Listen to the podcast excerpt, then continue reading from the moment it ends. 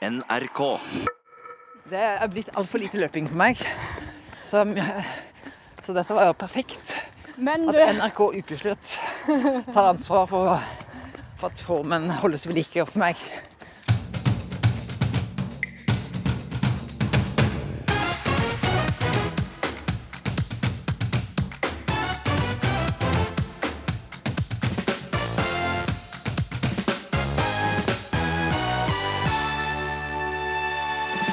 Ukeslutt har testa kondisen til partilederen som har planer om å bytte ut regjeringa. Jeg ser at du har et bedre løpersteg enn det jeg har.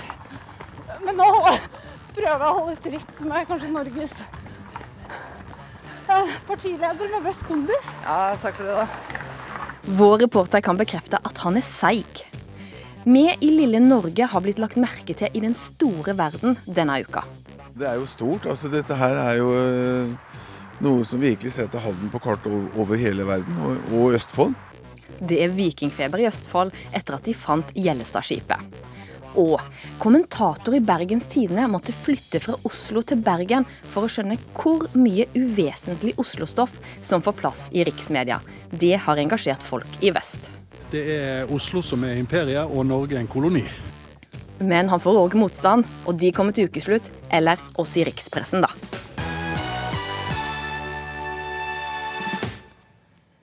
Velkommen til ukeslutt i NRK P1 og P2. Jeg heter Ann Kristin Listøl, og vi har utvida åpningstider. Vi sender helt til klokka er to i det nye ukeslutt. Følg med oss. Dette er Travis. Sangen heter Side. Så de sang jo da om dette gresset som er det grønnere på den andre sida. Hvem vet? Spørsmålet som vi skal til nå når vi skal til Stavanger, det er Kommer Erna Solberg til å fortsette som statsminister, eller kommer KrF-leder Knut Arild Hareide til å få partiet sitt med på å felle regjeringa i det ekstraordinære landsmøtet 2.11? Det avhenger bl.a. av hvem de ulike fylkene plukker ut som delegater. Og I dag skal KrF Rogaland plukke ut sine 15 som skal få reise da til det ekstraordinære landsmøtet. Og på et hotell i Stavanger har mange KrF-ere samla seg, deri òg du, Johan Mile Laugaland, reporter. Denne uka fortalte altså NRK at Knut Arild Hareide ikke finner det naturlig å fortsette som partileder i KrF om han blir nedstemt. Hvordan preger det møtet? Ja, det gjør jo situasjonen enda mer eh, tilspissa, at en ikke vet eh, hva som skjer med Knut Arild Hareide hvis en da eh, går til Høyre. Og Nå er det samla ja, snaut 150 KrF-ere til et slags siste måltid før dette ekstraordinære årsmøtet skal på en måte ta stilling til dette som første fylkeslag. Og Odny Helen Turøy, du, du leder Rogaland KrF, og du har etterlyst et klart svar fra Knut Arild Hareide. Ja, vi ba om at han måtte komme med et eh, tydelig råd hvor vi ville hen, altså hvor vi skulle hen, og det kom han med. eh, Og det var modig eh, valg. Eh, Og så syns jeg det at det var greit å få med hele, hele laget og, og hele KrF med på en sånn debatt om hvordan dette skal gå Ja, men. Du vil òg vite hva skjer med Knut Arild Hareide hvis en nå velger å gå til Høyre? Ja, det vil jeg gjerne. Altså, eller det jeg egentlig har sagt, det er det at jeg skulle ønske at ikke det kom ut. Altså, det han har sagt selv, det var at han ble med uansett. Og så er det noen som har lekt noe, eh, og da tenker jeg at det hadde vært greit om det ble avklart eller ikke. Eh, altså, da, hvis han har sagt det til sentralstyret og noen har lekt det, så kunne han like så godt sagt det til alle, sånn at vi var klar over hvordan situasjonen var. Men jeg skulle ønske at han ikke hadde, altså, jeg skulle ønske at det ikke var situasjonen. Jeg eh, hadde håpet at Knut Arild hadde blitt med videre uansett, for jeg tror òg at han kunne vært en god brobygger hvis det at vi ender opp på noe annet enn det som han har, eh, har anbefalt. Odny Helen Turøy, en av 16 som skal være med på det ekstraordinære landsmøtet 2.11. Eh, sannsynligvis så kommer det til å være et flertall som som velger å gå til Høyre fra eh, Rogaland. Eh, Olaug Bollestad, eh, dette at en nå etterlyser klart svar hva som skjer med mm, Knut Arild Hareide hvis en velger å gå til Høyre. Eh, du er stortingsrepresentant for KrF og nestleder. Hva, hva tenker du om at dette kravet kommer? Jeg syns det er en avsporing av debatten. Debatten handler ikke om noen i ledertrioen akkurat nå. Dette handler om hva veivalg KrF skal ta. Og ledelsen er helt enige om at vi kan ikke stå i den spagaten vi har stått i, og har gitt en anbefaling. Og så har jeg gitt en retning hvor jeg vil vi skal sondere først. Knut Arild har gått en annen vei.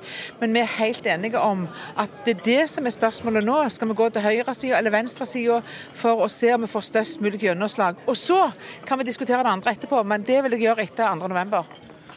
Halv, det er klokka ett nå, så starter dette fylkesårsmøtet som blir gysla spennende. og det kommer, Om det kommer til å sendes noen som vil gå til venstre i det hele tatt. Har du opplevd en mer eh, tilspissa situasjon i partiet? Eh, nei, eh, jeg har jo ikke vært medlem eh, annet enn i 15 år. Jeg, da, vet du. Men, men, det er klart at jeg er opptatt av at nå har vi hatt en god og åpen og real debatt. Vi har hatt dette ute i lokallagene. Og nå må dette òg kunne håndteres i fylkeslagene. Vi må prøve å få det så representativt som mulig. Men jeg vil ikke si noe om voteringsformer, for det har faktisk, det har fylkesstyret faktisk lagt til rette for. Jeg stoler på at de har tenkt gjennom alle sine når de har gjort det. Hva vei Rogaland KrF går, får vi svar på i løpet av ettermiddagen.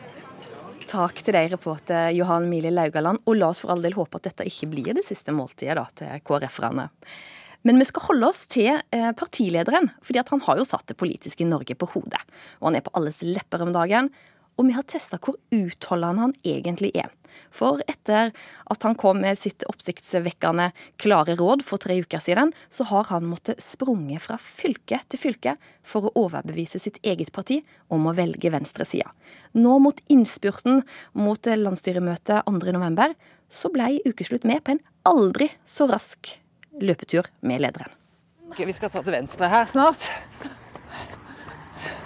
Og Da får vi en litt bedre løype fram mot målet. Ja, det var, ja, det var jo egentlig høyre, da. Kanskje vi skal rett fram? Ja, følg alltid sentrumsveien. Du skal gå av hvis du ikke får viljen din. Du, jeg, jeg ønsker at nå skal KrF ta et veivalg. Og nå skal vi få ta en debatt uten at andre tema skal prege den debatten. Og så hører jeg at det er mange spekulasjoner. De skal ikke jeg bidra til. Så du skal ikke gå av? Så jeg kommer til å stå på for KrF uansett. Som partileder? Hva valg partiet gjør 2.11. Og så skal ikke jeg spekulere i, i andre ting. Vi i lille Norge har blitt lagt merke til i den store verden denne uka. Ikke fordi at eh, Hareide vil kaste statsministeren, og heller ikke fordi at Erna Solberg prøver å holde på KrF ved å åpne opp for å forhandle om enkelte abortspørsmål. Nei, vi har blitt lagt merke til fordi det første store vikingskipet på 115 år har blitt funnet på en gård i Østfold. Eh, hvis jeg sitter her, Fungerer det? det? det? fungerer greit? Fylkeskonservator Morten Hanisch er ikke så vant til å holde pressekonferanse, men mandag denne uka hadde han intet mindre enn en verdensnyhet om et vikingskip fra Østfold. Det første vi, vi tenkte når vi, når, vi, når vi, så dette Jeg er arkeolog selv, og det er klart at når man finner et, det vi tror er et vikingskip, og det er det, eh, så, så, så er jo det liksom sagt det mange ganger, men det er, det er jo ikonet på norsk kulturarv det er liksom vanskelig å liksom, toppe et vikingskip.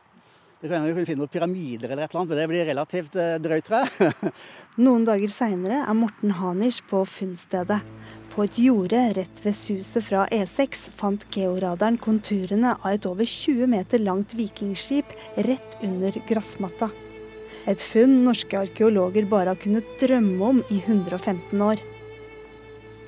Vi finner jo mye mørke flekker og så videre i bakken. Det er mye kokegroper og, og, den type ting. Veldig ofte er det det. Det er klart, det er viktig nok det, men det er klart når vi har dette her eh, når, det er noe sånt nå som dukker opp, så, eh, så, så, blir det helt spesielt. Dette er en nyhet som er, da, er over hele verden. Og Det er klart det er temmelig nytt for oss, og, men veldig morsomt. Og for Østfold jeg tipper at ordføreren i Halden han, eh, han er nok eh, også relativt euforisk over dette. Nei, nå var jeg ute for å se om det var noe aktivitet her i dag også. Og det, og det var det jo. Ordfører i Halden, Tor Edquist, har antydning til vikingfeber. Han tror funnet av Gjellestadskipet kan endre historien om Norge. Tankene mine går iblant, må jeg innrømme, til Per Linges teori om at uh, det slaget ved Svolder var ytterst i Svardrekilen. Eh, han har jo skrevet veldig mye om det. Eh, kanskje man til slutt kan bevise det også. Da vil, da vil man virkelig kunne omskrive hele historien. De, eh, om det er høvdinger eller konger eller hva man skal kalle det, det, det får så være. Men det er iallfall toppsjiktet. Det er jo ingen tvil om. Det er jo ikke hvem som helst som blir begravd i et skip, et vikingskip. Men hva sier han som eier jordet? Det har vært eh, hørt om det i mange år, at det skal være en båt der fra gamle dager. Og noen skjeletter og greier som de gravde ned igjen eller i den tida. Olav Gjelstads bestefar fortalte barnebarna om vikingfunn på gården allerede på 1800-tallet, så Gjellestad er ikke overraska over at det fins spor av vikinger under bakken. Eh, ja, Det har vel blitt sagt fra gamle dager når de eh, sletta ut gravhaugen, at det var funnet noen båt og, og greier da. Sletta ut på gravhaugene, det høres jo dramatisk ut. Hva var det de gjorde? Eh, ja, de gravde litt og pløyde litt og, og sånn for å få litt større jorder. Da. Det var jo ikke sånn eh, freda den gangen som det, som det er nå. Da. Gjellestad er freda nå, og dagens bonde har en helt annen holdning enn forfedrene sine. Hver gang han skal grave, søker han om tillatelse. Faktisk var det bondens søknad om å drenere åkeren som gjorde at arkeologene fant Gjellestadskipet. Eh, det tar litt tid før jeg får drenert nå, da. Så det, det, det får gå. Du er ikke bekymra, eller det er ikke sånn at du tenker at oi, det var jo leit at de fant det? Eh, nei, ikke ennå i hvert fall. Tøft med et vikingskip, tenkte jeg. Men eh, det er jo moro så lenge rusen varer. Dette er Marit Kaupang. Hun er bonde på den andre sida av Oslofjorden. Kaupang i Vestfold er ifølge arkeologene Norges første by. Han får nok aldri dyrke det jordet igjen, antageligvis. Eh, Hvis det, er, hvis det er virkelig et vikingskip der, så han må passe på å få erstatning. Det han fortjener og det han eh, skal ha. Kaupang mener Gjellestadbonden må forberede seg på kamp. Om litt skal du få høre hvorfor. Og Før denne sangen så hørte du om det splitter nye vikingskipfunnet på Gjellestad i Østfold. Og På tampen så husker du kanskje at Marit Kaupang som advarte bonden på Gjellestad. Hun er bonde på gården Kaupang i Vestfold. På begynnelsen av 2000-tallet kom arkeologene fram til at Kaupang måtte være Norges første vikingby. Her er det blitt så stor slitasje at her har eh, de måttet gjæla inn disse restene av de gravene. Et provisorisk gjerde bestående av et tau tredd gjennom noen jernstenger rammer inn et langt søkk i bakken. Gropa ser ut som en kano og var båtgrava til en viking. Her er det, det er en steingrav, her er det båtgraver som ligger bortover her. Marit Kaupang viser flere graver som ligger på den idylliske lille knausen med utsikt til Kaupangkilen og sjøen utenfor. Så det er det eneste synlige tegna etter vikingene. Resten ligger nede i bakken. Kaupang er 65 år og har sett arkeologer i sving på gården hele livet. Ja, De bruker samme lille mureskjea. Og de ligger på knærne og graver oppi brettet sitt. Jeg ser fortsatt ryggen og rumpa deres. Jeg, jeg tror hver gang de fant en mynt, så hadde de kringle og bløtkake. Og det, da var jo vi ungene med på det, da. Så det er jo det huset er best. Og dette var jo rett på utsida av kjøkkendøra vår. Og jorda rett utenfor kjøkkendøra var veldig god, synes bonden. Svartjorda her er jo søpla til vikingene. Enkelt og greit. Eh, det var lite kildesortering i vikingtida. Der var det tyngdekrafta som gjaldt. Og det er blitt liggende igjen her som et feit, svart jordlag. Utrolig fruktbart. Helt ærlig, altså det jordet her, skulle du gjerne ha pløyd det? Ja, det skulle jeg. Det er eh, et eh, fantastisk fruktbart jorde som eh, det var veldig, veldig tungt å gi slipp på, fordi at eh, vi hadde enorme, flotte avlinger. Det var tidlig. Vi var jo nå de tidligste med tidligpoteter i hele distriktet.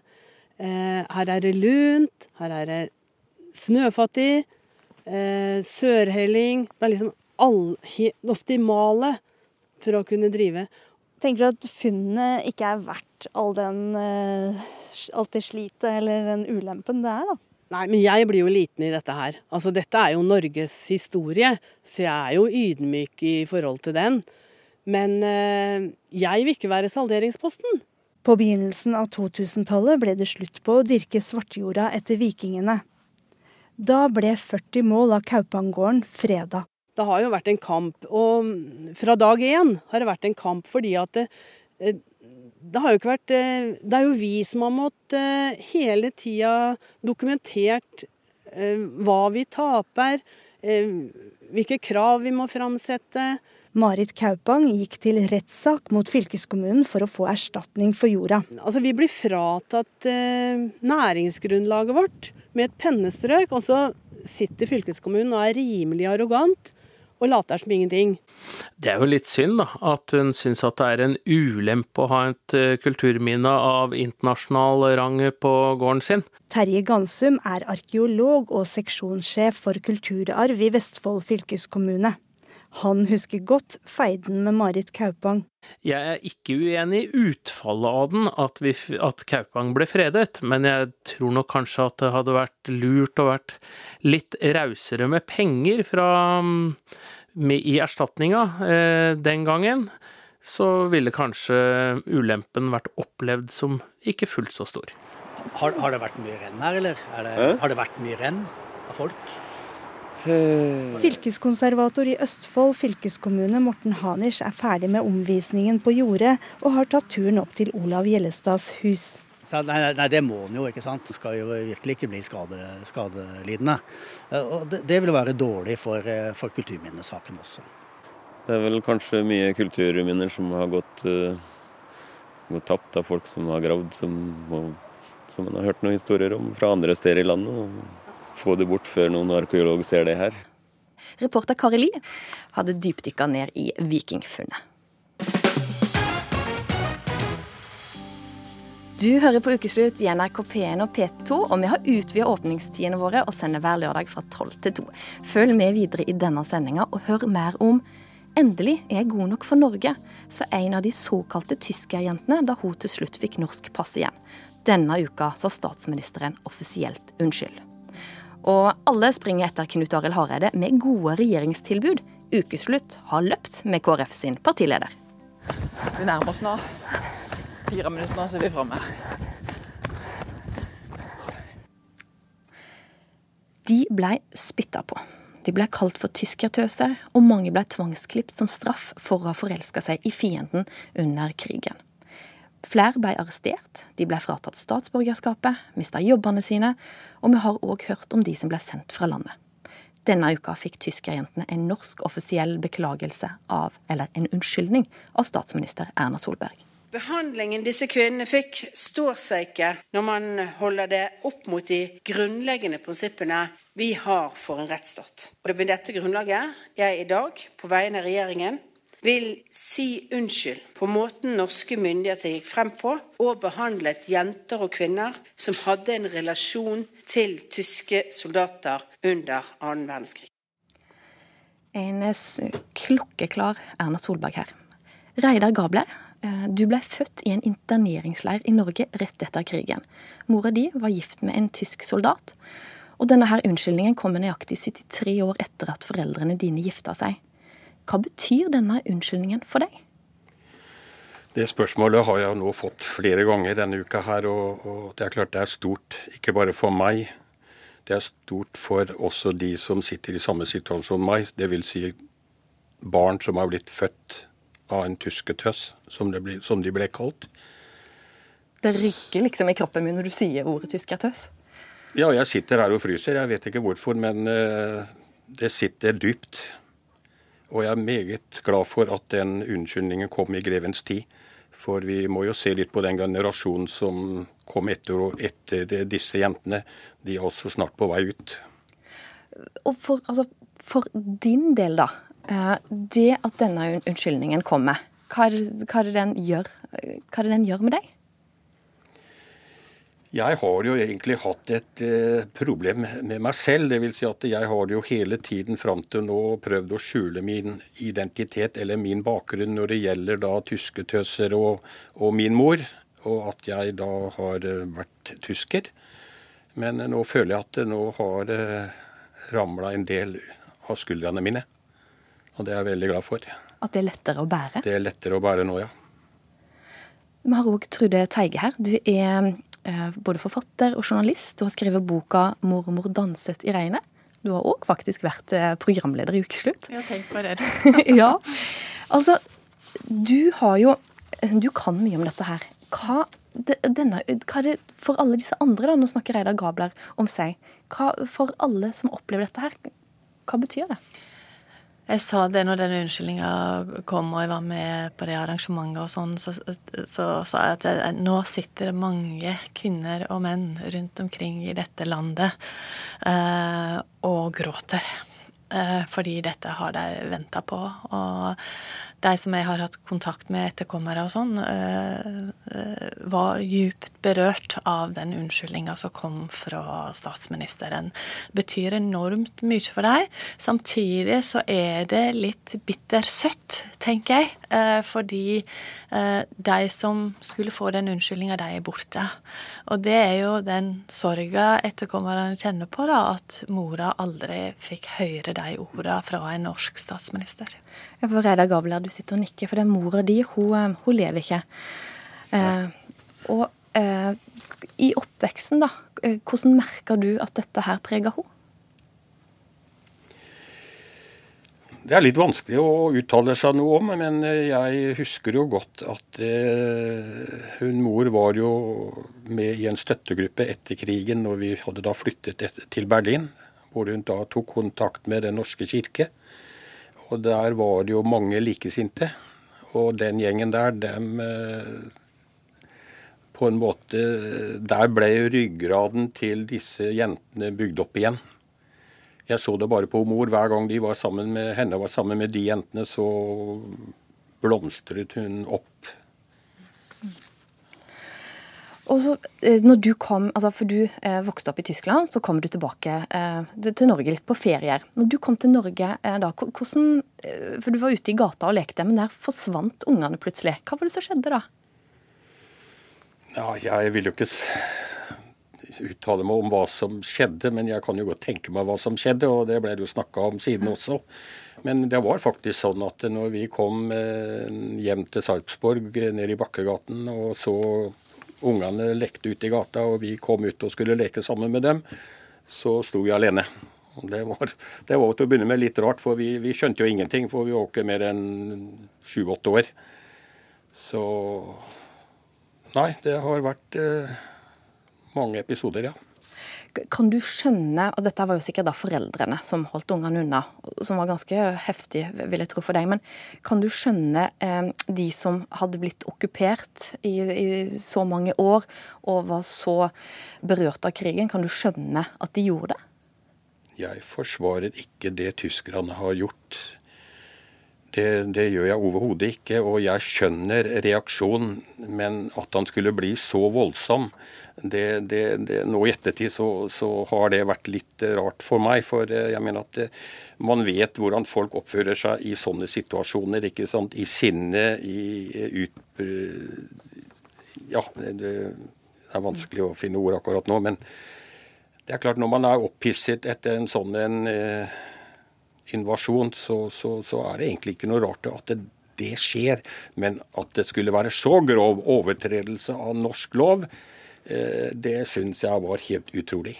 Ja, sånn for vi skal slippe til Trude Teige. For nettopp det, altså Vi hørte at de ble klippet håret av. Men altså, altså norske myndigheter. altså det som de gjorde, hvordan vil du skildre det? Det som er viktig, er at man, man kan forstå uh, aggresjonen uh, for så vidt i, blant folk flest og sånn, men det er nettopp i sånne tider at de som sitter med makta, og de som styrer landet, skal holde tunga beint i munnen.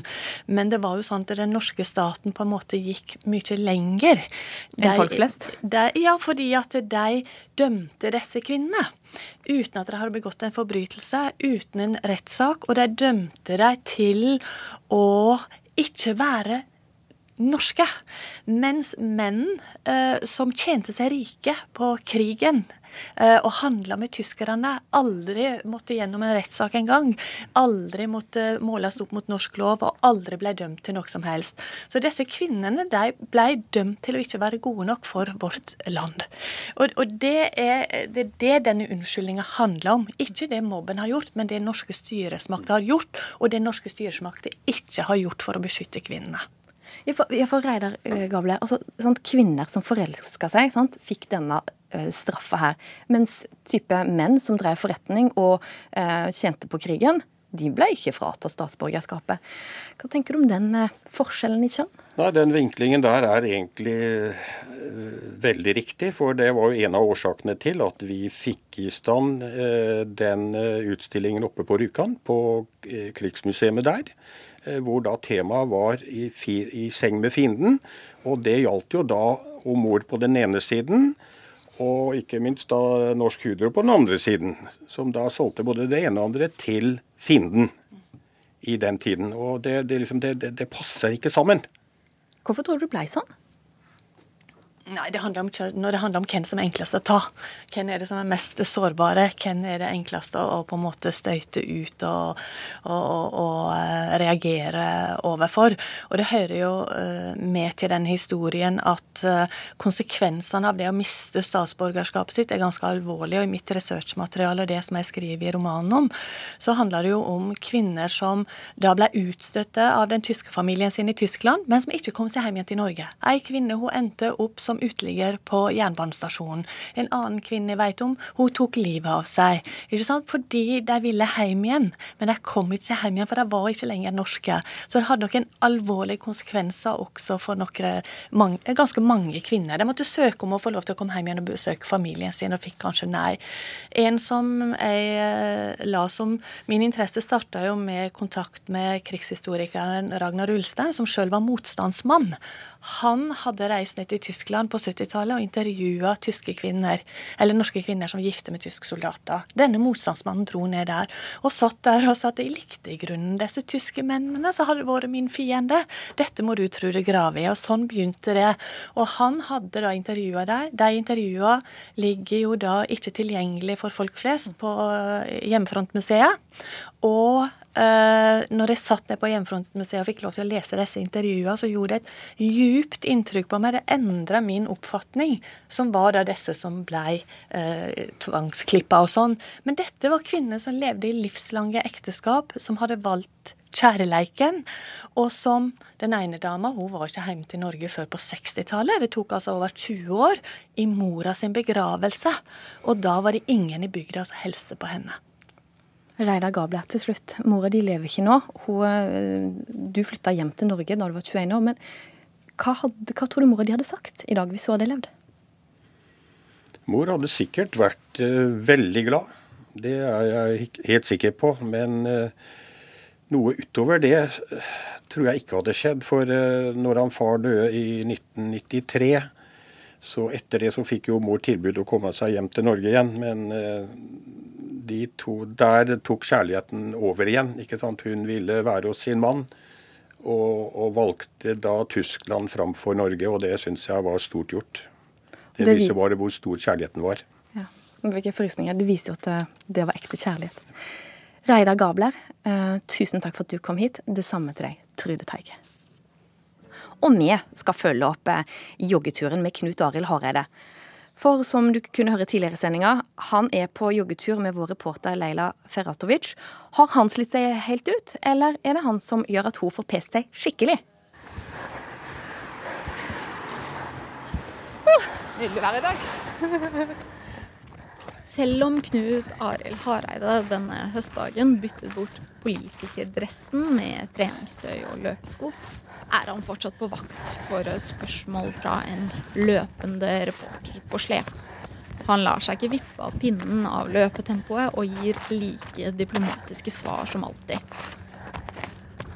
Så har du også fått kritikk fra statsministeren, som sier at du på en måte ved demokratiet. Hva, ja. hva tenker du om den kritikken? Ja, jeg tror eh, at eh, statsministeren merka nok at rett etter hun hadde sagt det, så sto hele det politiske Norge og rista på hodet. At det KrF gjennomfører en åpen, demokratisk og ærlig prosess. Jeg og Knut Arild løper relativt raskt. Jeg blir mer og mer andpusten, men eh, Knut Arild han holder seg godt. Håret er helt likt som da vi startet. Han har ikke svettet en dråpe, og han er klar til å løpe enda mer og enda raskere. Alle disse velgerne som valgte deg i håp om å da få Erna Solberg som statsminister, og det fikk de. Hva, hva sier du til dem? Ja, til de sier jeg veldig eh, ærlig at eh, vi hadde ønska Erna som statsminister. Men vi fikk ikke det til med den regjeringa vi ønsket. Og vi lovte velgerne våre vi skal ikke sitte i regjering med Fremskrittspartiet. Og det var jo sånn at Vi ga jo aldri noen borgerlig garanti. Vi ga aldri blankofullmakt til fire nye år med Fremskrittspartiet i regjering. Så vi gjør et valg som vi fullt ut kan se våre velgere inn i øynene med, eh, med det alternativet som, som jeg peker på. Men hvor mange løpeturer du da eh, for å komme fram til dette med veivalget og veien videre for KrF? Altså, det som eh, har vært det avgjørende for meg, er at jeg ser vi er nødt til å gjøre et reelt veivalg. Eh, og når jeg da visste at alternativet for oss er å gå inn i Solberg-regjeringa, sitte sammen med Fremskrittspartiet, som ja, står ganske langt vekk fra KrF, da var det naturlig for meg å se etter et sentrumsalternativ. Hareide har brukt hele løpeturen vår på å skru opp tempoet. Nå roer vi ned nå. Det er fint her, syns Det jeg. kjempefint. Tilfeldigvis på de mer kritiske spørsmålene, så jeg må be ham om å roe litt ned. Med et lurt smil og litt motvillighet går han med på det. Så kan du få akkurat det du ønsker deg. Skjønner du? Et barn med på en måte to skilte foreldre som vil at kiden skal tilbringe julaften hos dem. Hvem er det som gir deg de beste gavene? Jeg tror nok noe av det vi vet, at, at vi må finne et fellesskap eh, foran valget i 2021, samme hva. Og det er derfor vi nå gjør dette valget. Eh, og det er min jobb å, å bidra til det, at det skjer på en god måte. Så er jeg stolt over partiet.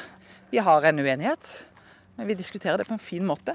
Ja, det er jo litt spesielt at det var en så sterk uenighet, men det, det visste vi. Her vil det være uenighet. Akkurat som denne løpeturen, med noen veier som fører til venstre og andre som fører til høyre, prøver nå begge sider å dra ham i hver sin retning. Kanskje en ny abortlov kan få ham tilbake til høyresiden?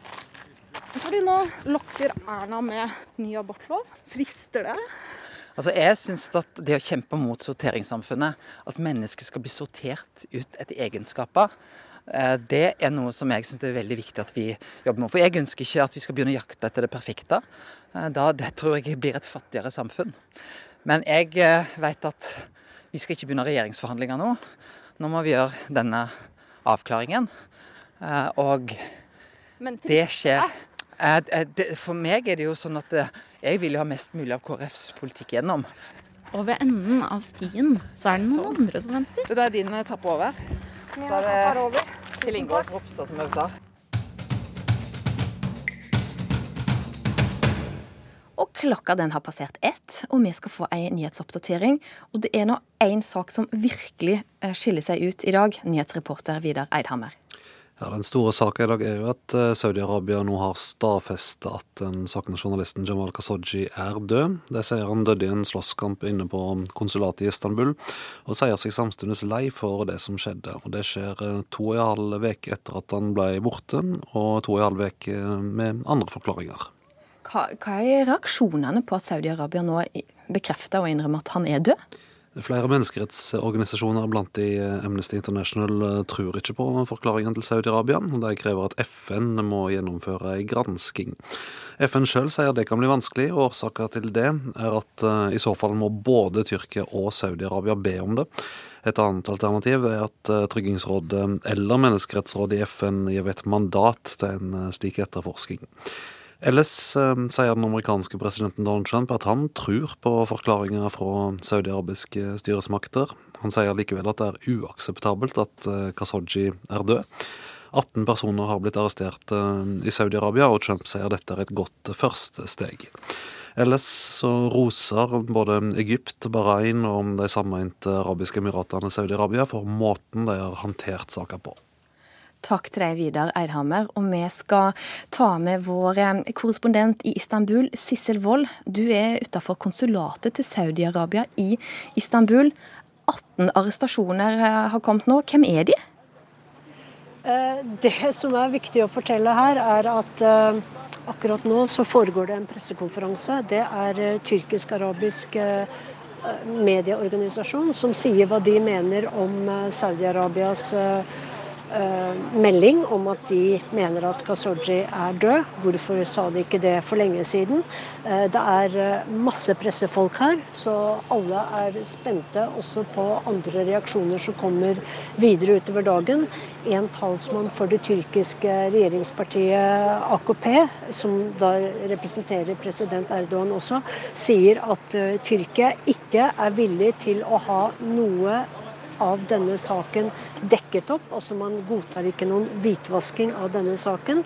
Og ingen skal eh, skylde på andre for å ha begått da dette drapet, eller eh, det som førte til Khashoggis død.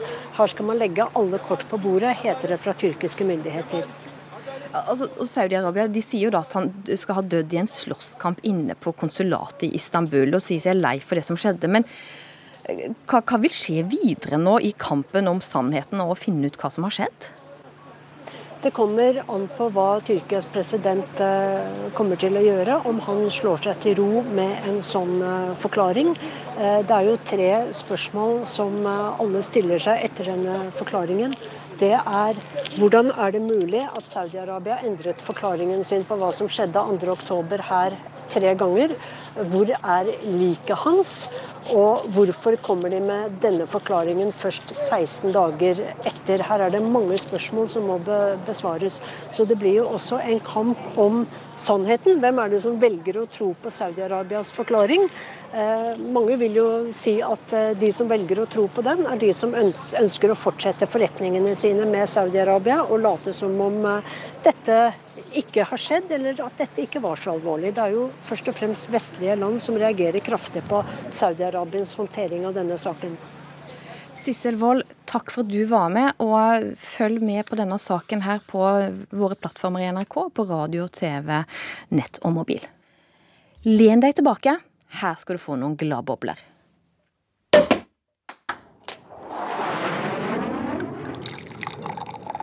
Den demonstrasjonstypen her, med det volumet som er, eh, kan virke litt overveldende. Ja, det, det, har ikke noe problem med å forstå. Samtidig så er den på en måte et uh, uttrykk for vårt behov for å trene sammen og vise frem det til beslutningstakerne våre og publikum. Ja, dette her var oberstløytnant Trond Bakkes beskrivelse av flyshowet. Eh, fordi at alle Nato-landene skal være med og vise frem sine fly under gjennomføringa. Det vil være bølge etter bølge med flyangrep med 30 sekunders mellomrom i 15 minutter. Det var det Trond Bakke sa om flyshowet. For vi skal snakke om Nato-øvelsen um, og følge opp tråden som har dreid seg om denne uka her. Fordi at reaksjonene har vært mange og store på denne Nato-øvelsen. I Trondheim er det demonstrasjon akkurat nå. Neste lørdag blir det demonstrasjon i Bergen, Kristiansand og i Oslo. Og reporter Kirsti Kringstad, du er i Tordenskjoldparken i Trondheim. Hva hjelper det for disse folka å demonstrere mot en stor Nato-øvelse som er bestemt for lengst? For aksjonistene så handler dette om å sette søkelys på militærpolitikk. Og de jeg snakka med, de mener at det alltid vil hjelpe å vise motstand mot militær makt. At det, viktig, at det er en viktig del av den demokratiske prosessen. Eh, de, de aksjonistene som jeg prata litt med i forkant av denne demonstrasjonen som nettopp starta, det er jo eh, å minne om at krig er, etter deres mening er, eh, har vært feilslått. En feilslått løsning da, på, på problemer. Og Vi hører litt summing rundt deg her. Beskriv hvor mange er det som har møtt opp for å vise sin motstand? Ja, altså Her i høstsola i Tordenskjoldparken midt i Trondheim sentrum så er det veldig mye folk akkurat nå. Det må være over 100 mennesker, kanskje 150. Akkurat nå så er det hovedtaler Erling Borgen som står og prater. Og det har nettopp vært en sang også, 'Nei til krig'. Og øh, du, du er der, og har Erling Borgen sagt noe så langt, da? Altså, han starta akkurat nå når jeg fikk på meg headsetet, egentlig. Eh, men det de ønsker å oppnå oppnå eh, med dette, her, det er jo det at eh, å, å prate om dette her og, og, og få eh, folk til å åpne øynene sine om at eh, krig ikke er løsninga. Det er på en måte poenget deres. da. Og de tror at de vil oppnå eh, noe. F.eks. det at Forsvaret tar inn over seg det at eh, retorikken de har brukt i forbindelse med Nato-øvelser, eh, ikke har vært likt av alle. I det hele tatt, At de har gjort krig av show. da. Så det er jo noe av det Borgen tar opp. Eh, takk til deg, reporter Kirsti Kringstad eh, fra Trondheim. Og vi skal ta en av eh, demonstrantene som faktisk er i Trondheim, med oss inn i en debatt her i studio. For Arnulf Kolstad, du er professor emeritus i sosialpsykologi. Du er en av demonstrantene i Trondheim. Ja, hva, Hvorfor mener du at dette her er nødvendig, når dette er bestemt for lengst? En ting er jo den måten eh, Forsvaret og Nato har framstilt denne krigsøvelsen på Byneset. eh, Og prøve å få det til en underholdningsjippo, et show. Det i seg sjøl er jo um, noe vi, mange vil reagere på. Men jeg tror de fleste som er her, de ser på det å løse konflikter mellom nasjoner ved hjelp av militærmakt. Det fører til større problemer enn eh, det løser. Hårek Elvenes, du er stortingsrepresentant fra Høyre. Du sitter i utenriks- og forsvarskomiteen. Det er ikke første gang du debatterer denne saken denne uka. Du har ingen planer om å demonstrere, men skal du heller sprette noen gladbobler? Nei, du, jeg skal ikke sprette gladbobler heller. Men jeg skal bruke anledninga til å minne på om at vi har hatt fred i Europa de siste 70 år. I et kontinent som har en historie som er befengt med kriger. Eh, Nato er en sammenslutning av 29 demokrati, stater som bygger på rettssikkerhet og menneskerettigheter. De argumentene som fremføres mot denne øvelsen, er kjente argumenter fra den såkalte fredselskende pasifistiske venstreside.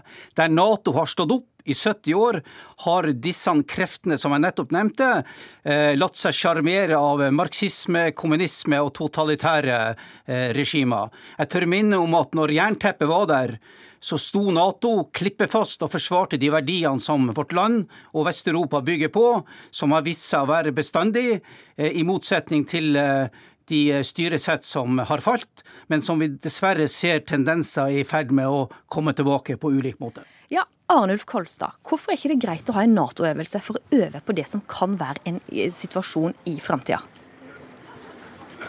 Når Elvenes sier at Nato skaper fred, og at vi har hatt fred i Europa de siste 30 år, så må vi huske på at Natos out of area-strategi, som har vært eh, typisk for denne militære alliansen de siste 20 år, den har ført til kriger i andre land som har ført til enorme lidelser for særlig sivilbefolkningen.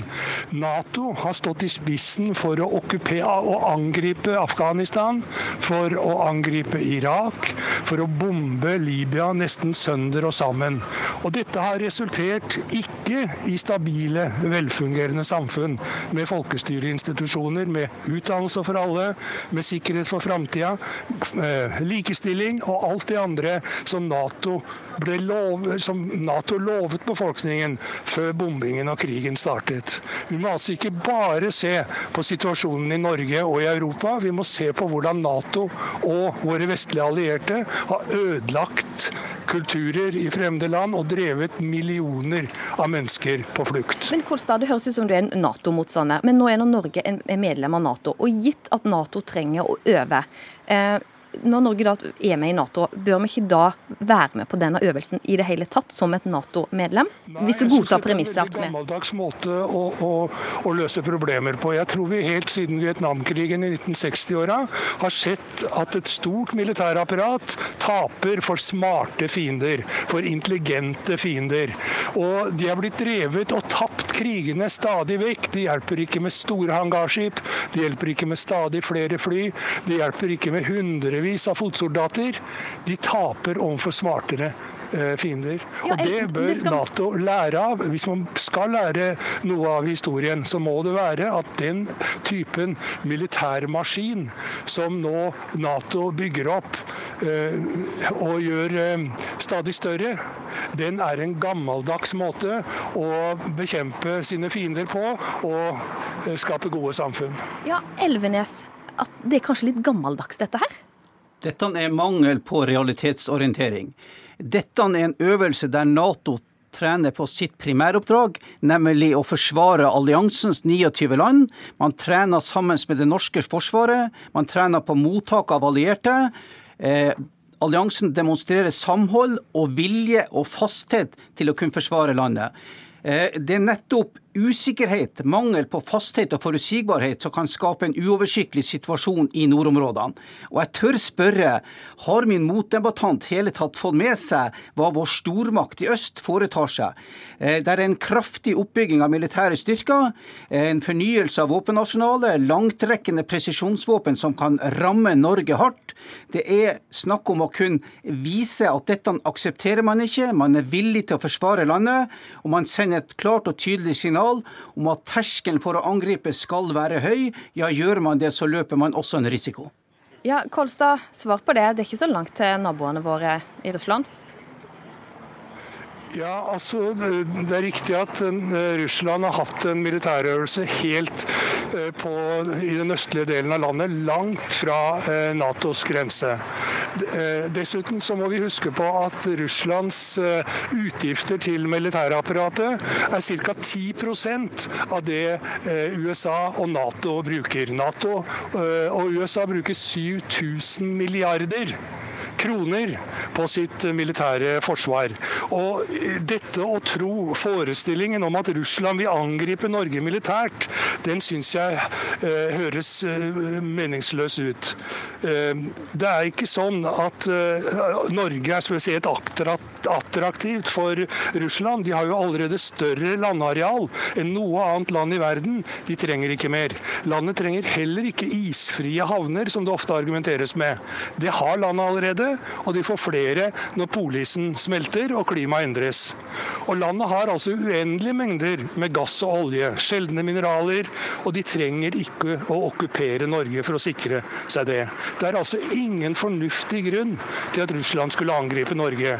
Den forestillingen tror jeg er skapt av det militærindustrielle kompleks og politikere som løper deres ærend for at man skal tjene penger på våpenproduksjon. Ja, Hårek Elvenes. Tror du virkelig at russerne kommer til å eh, invadere oss? Eh, det er ingenting som tilsier at uh, Russland har til hensikt å invadere Norge. Men Norge, i kraft av sin beliggenhet, kan bli dratt inn i en storkonflikt mellom Russland og USA. Eh, Russland er avhengig av å kontrollere Barentshavet eh, og store deler av Nord-Atlanteren for å kunne beskytte sin eh, atomstridsflåte og kunne bruke denne effektivt. Det er det såkalte bastionforsvaret. Hvis Russland aktiverer sitt eget bastionforsvar, da vil Nord-Norge, store deler av Nord-Norge være tapt, og forsyningslinjen over Atlanteren ville være avskåret. Det er en situasjon Norge må, ikke må komme i. og Dette er jo ikke en doktrine utvikla militærindustrien. Det er altså 29 demokratiske stater i Europa som basert på et verdifellesskap har en forsvarsallianse for å kunne forsvare sitt styresett, sine verdier, hvis vi skulle bli trua. Dere to kommer faktisk ikke til å bli enige, men nå skal Arnulf Kolstad få lov til å gå tilbake og demonstrere, for du Hårek Elvenes, har faktisk klart å dra han ut av en demonstrasjon for å være med her og debattere med deg. Takk til dere. Takk til dere begge to er, du er på en fotballstadion her. Stadion er fylt til randen av publikum. Alle følger med på den grønne, eh, eh, den grønne matta. Og fotballspilleren gir alt for å få ballen i mål, men òg å bli lagt merke til. Det å komme seg ut i verden, bli oppdaga, det er noe som eh, er appellerende til mange eh, unge fotballspillere. Og i Norge Martin Ødegaard, Joshua King, Jon Arne Riise. Eh, eksempler på eh, fotballspillere som har blitt lagt merke til når de har vært unge. Men hva er det beste? Er det beste å la disse her spillerne eh, bli henta av agenter til utenlandske klubber? Fordi at i denne uka her så har advokat og tidligere fotballagent Per Arne Flod, i en kronikk i VG, har han sagt at la unge fotballspillere få leke og utvikle seg i vante omgivelser i mange år, før det går til kyniske klubber i utlandet. Litt av utgangspunktet her er jo da eh, en 14 år gammel Tromsø-spiller som kan være aktuell for en utenlandsk klubb. Og Per Arne Flod, hvis du da har en datter, en datter eller en sønn som elsker fotball, så kommer en internasjonal klubb og tilbyr plass og treningsmuligheter. Hvorfor skal foreldrene si nei til en så unik mulighet for denne spilleren? Ja, fordi at uh, hvis vedkommende er, vil være så god, så vil den muligheten komme senere. En 14-åring er et barn fortsatt, og har et barns behov for utvikling, for lek, spill, kulturell, mental stimulans. Og det får han best i hjemmet, og det får han best i vante miljøer. Kunne leke med kamerater, være barn noen år til. Og hvis han er et så stort talent og utvikler seg positivt, så vil den sjansen komme tilbake senere. Men hva hvis det akkurat da denne gutten eller jenta har uh, utrolig lyst til å dra, og at det bare blir opplevd som en brems å sitte igjen i Norge? Ja, men uh, Altså, det er klart De har helt sikkert lyst til å dra, og det skal jo være målsettingen også.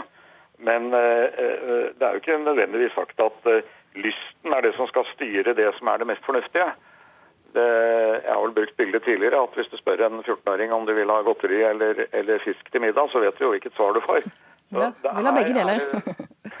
ja, altså Noen må være litt ansvarlig og så si hva, hva, har, hva, hva, har, vedkommende behov for. Vedkommende skal være et menneske. Skal altså vokse opp og bli en, en, en person, en samfunnsborger. Og skal ikke bare bli en, en fotballbroiler. Og så går kanskje da det, så lykkes man jo da kanskje ikke fordi at tross alt så er det jo bare en, en forsvinn. Det er under 1% av alle de som drar ut på denne måten her, sånn som lykkes. Vi skal slippe til Erland.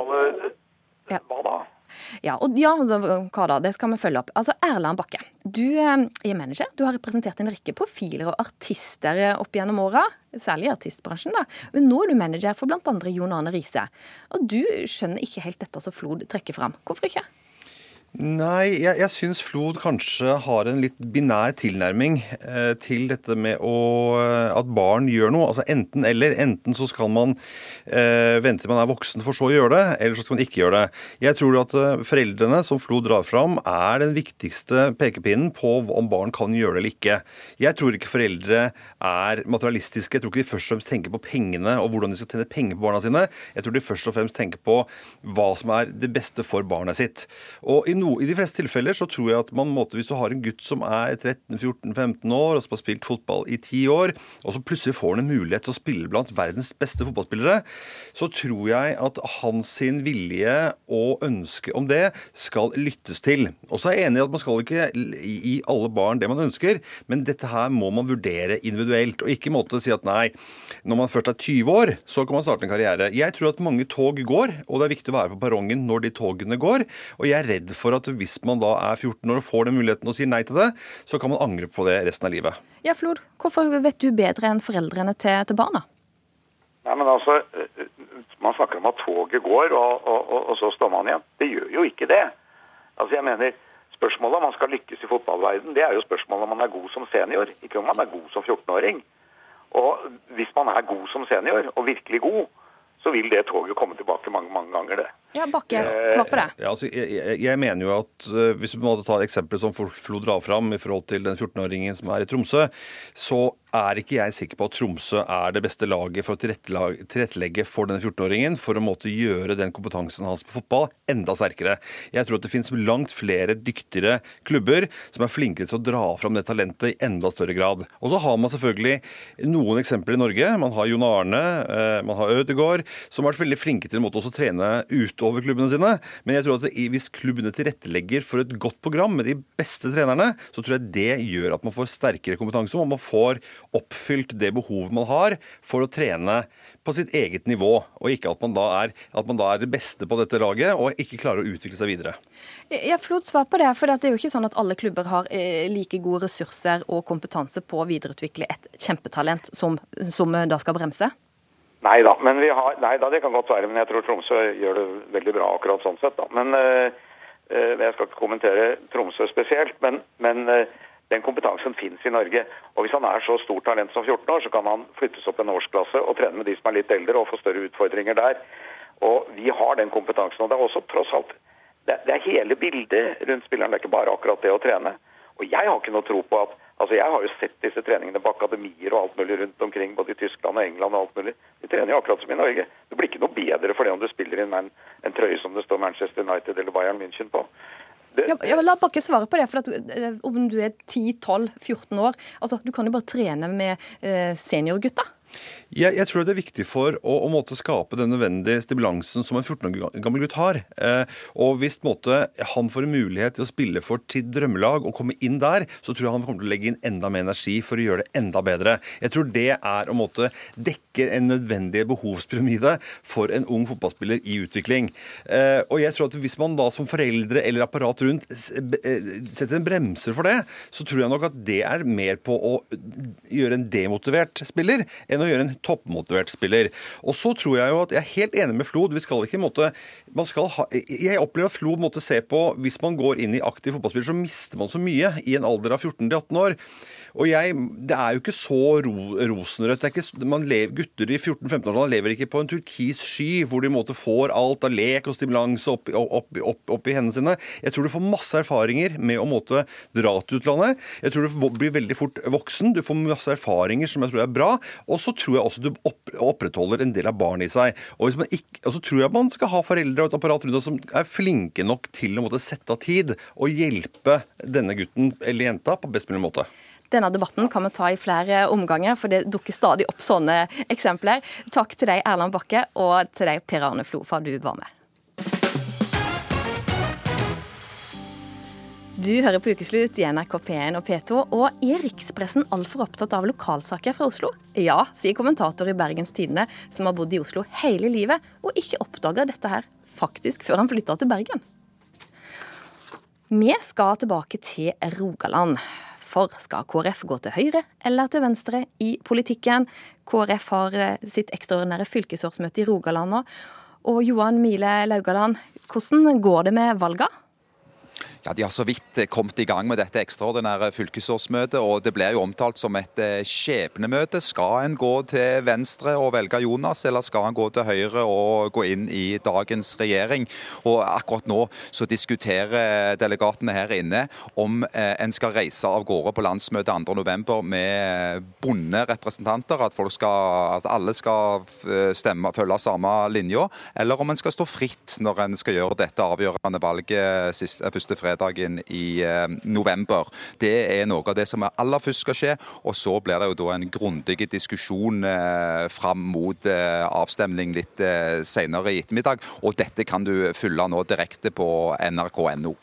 Ja, Johan, kan jo si at Rogaland KrF er jo et litt sånn blått fylke, blir det sagt. Er det største interesse for å binde mandatene, eller? Altså, de, der, er, der er folk som, som, mener at det er rett å gjøre, og de er i flertall der inne. Så hvis de vil eh, kjøre den harde linja og, og, at det skal være sånn, så vil de ha flertall og vil kunne sørge for at det nesten utelukkende kommer blå representanter fra Rogaland, som er det største av eh, fylkeslagene i Kristelig Folkeparti. Så det er jo noe av det som blir spennende nå utover ettermiddagen. Takk til deg, Johan Mile Laugaland. Kjære deg som lytter til Ukeslutt. Syns du at vi som er i rikspressen er for opptatt av Oslo-lokalsaker på bekostning av saker fra hele landet? Følg med på dette. Hva syns dere om eh, rikspressen sin dekning av stoff fra f.eks. Vestlandet? Nei, det er jo for lite fra Vestlandet. Det synes jeg synes at det blir veldig Oslo-sentrert, mye av det som blir sendt. Nei, Det burde jo vært mer fra resten av landet, definitivt. Blir Vestlandet representert? Veldig lite. Det er jo mest, altså, det er jo mest Oslo og Østlandet som er representert. Det er det jo. Det er Oslo som er imperiet, og Norge en koloni. Vi har en BT-kommentator som heter Jens Kiel. Han skriver i en kommentar at han måtte flytte til Bergen for å forstå hvor masse uvesentlig Oslo-stoff som får plass i riksmedia. Hva tenker du om det? Det er jo helt naturlig. Hvis du omgås uh, de som bor i Oslo 1, så forstår du bare Oslo 1 uh, eh, sin verden. Du må ut av Oslo 1 for å forstå Oslo 2, f.eks., og så videre. Og her sitter vi da med denne bergenskommentatoren som har tatt turen tilbake til Oslo, her til, til Ring 1. Jens Kiel, hva slags uvesentlige Oslo-saker er det du har oppdaga eh, etter at du fikk et nytt ståsted? For det første så handler det jo om at det er mye stoff av typen eh, Nå blir det sol, og så det, sitter vi borte og det høljer ned, ikke sant? Eller eh, veikaos. Og så klikker man seg inn, og så skjønner man at det er Oslofjordtunnelen som er stengt enda en gang, og ikke et ord om f.eks. Askøybrua eller eh, andre plasser et annet sted i landet. Eh, og så handler det litt om det her med at, at fordi Oslo ses på som normalen, så eh, går man bare ut fra at alle kjenner alt i Oslo. Du skriver eh, om eh, bydeler eller gater i Oslo uten å fortelle at det ligger i Oslo, at du bare går ut fra at alle veit hvor det er hen. Mens hvis du skriver om Volda, så liksom slenger du på at det faktisk befinner seg her på Sunnmøre. sånn for man går ut fra at folk ikke aner hvor det er hen. Nå sjarmerte du meg, for jeg vokste opp i Volda. Men vi skal gå videre til Bernt Olufsen, som er en trønder som eh, bor i Oslo. Og du er jo tidligere sjefredaktør i VG, var det vel i 17 år. Men uh, i dag så er du styreleder i Polaris Media. Og du ser her denne Bergens, eller denne her Oslo-boeren, da. Jens Kiel, som pisker seg sjøl etter at han skjønner hvor uh, lokal han har vært. Har han et godt poeng?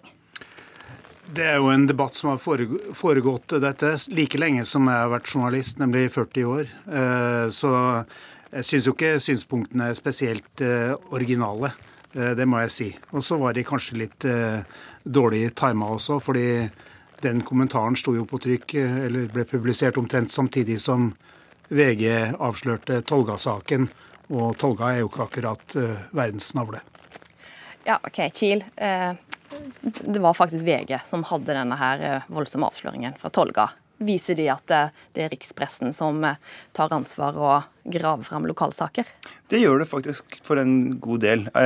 Fra, fra mitt dekningsområde så kan man jo nevne at at VG har jo ligget veldig langt framme når det gjelder å avsløre kritikkverdige forhold på Bergen politikammer.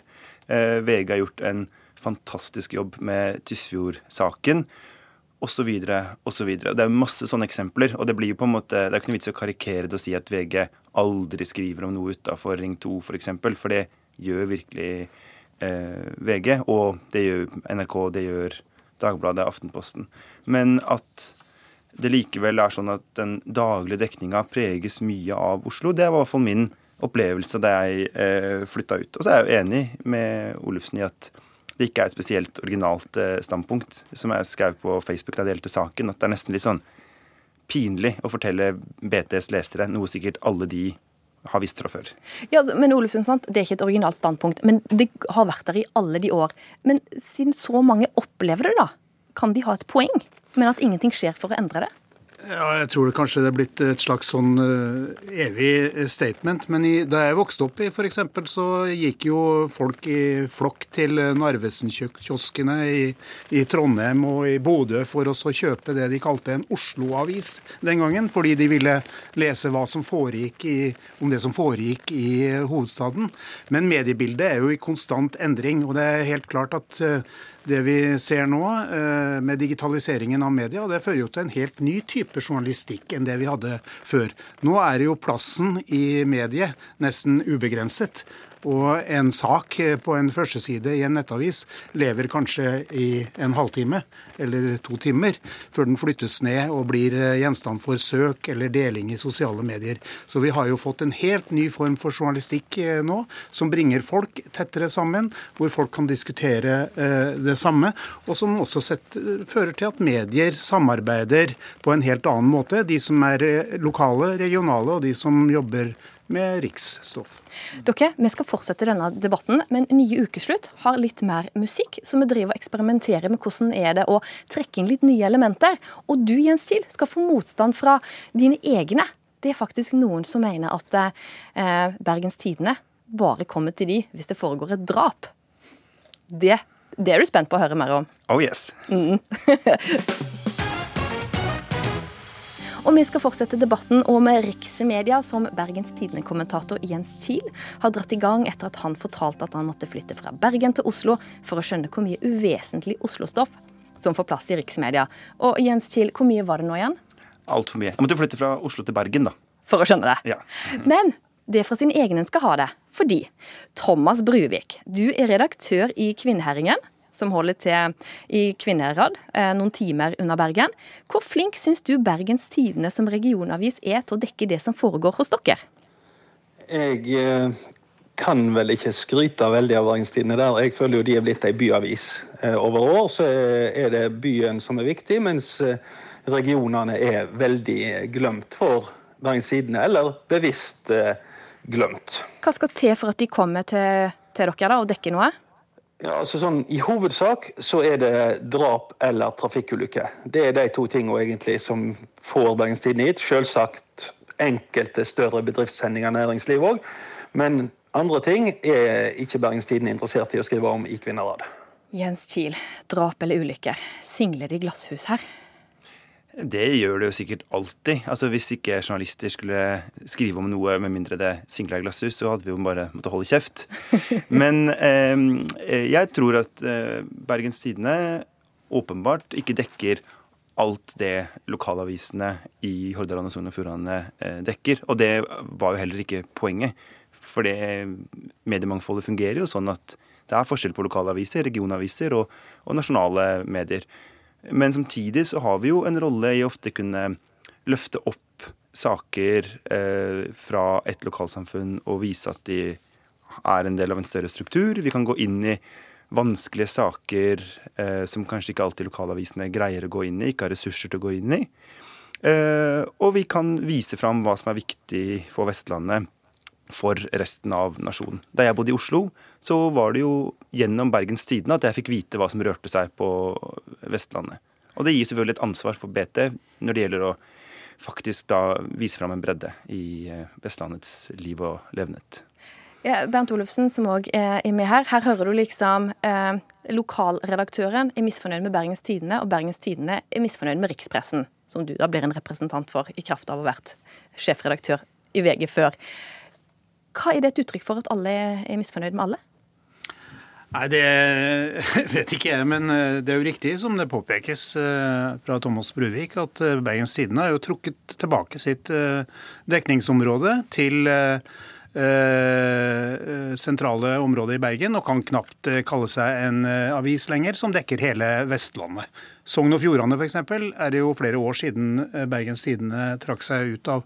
Men jeg tror at disse mm, mediene vil finne frem til andre samarbeidsformer eh, etter hvert. Folk eh, leser ikke bare én avis i dag, de søker flere nyhetskilder. Og jeg tror Jens Kiel ikke behøver å bli overrasket om han en vakker dag, kanskje en vakker dag, finner igjen sin uh, kommentarartikkel på VGs førsteside, distribu distribuert av en nasjonal aktør. Bruvik, du skal få siste ordet. Hvis du skal komme med en oppfordring til Kiel og Bergens Tiden her, hva burde de komme og dekke? F.eks. festivaler, ting som skaper engasjement her. Vi har en utrolig flott festival i Kvinnehavsfestivalen i Uskedalen, der jeg er nå. Eh, de tilbød BT, NRK og flere å hente dem med helikopter, men de ville ikke. Men kom ut og ta del i det kjekke som er her òg, og bidra til at vi òg blir en del av regionen. Vil du på helikoptertur, Kiel? Altså, jeg elsker helikoptertur. Men jeg kan ikke love at jeg kan eh, la meg kjøpe. Men at vi burde dekke Kvinnherad mer, er, eh, det burde nok eh, absolutt ta, en opp, ta den oppfordringen.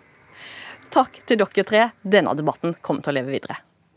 Og så har vi statsmeteorolog Rafael Eskobar Løvdahl her òg. Det er mye vær i store deler av landet. Hva er viktigst? Ja, Det vi venter nå er at uh, søndagen blir et, uh, vær, en værfylt dag, kan man si. Vi har nå et lavtrykk som ligger over Island. Det skal videre inn til Norskhavet, og der blir det nok et stormsenter. Så i Nordland så vil man da merke at i kveld så øker det på til den sørlig senere sørvest.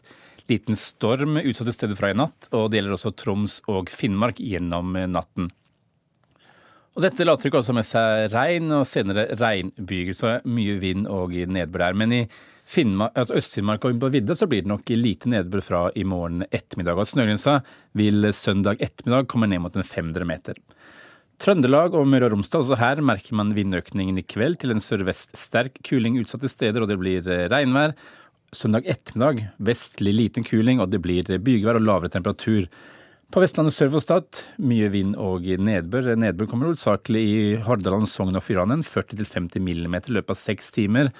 Og en sørlig, til dels liten storm på kysten omkring Stad. Dreining til vestlig og økende igjen da søndag kveld til vestlig sterk kuling, og det blir lavere temperatur. I fjellet får vi forbigående mildvær fra i natt, og først på søndag så synker temperaturen igjen, og det over til snøbyger. Østafjells er det oppholdsvær, gløtt av sol, og det blir sørvest liten kuling på. Ansvarlig for denne ukesluttsendinga har vært Linn Beate Gabrielsen. Teknisk ansvarlig Eli Kyrkjebø. Jeg heter Ann Kristin Listøl. God helg til deg.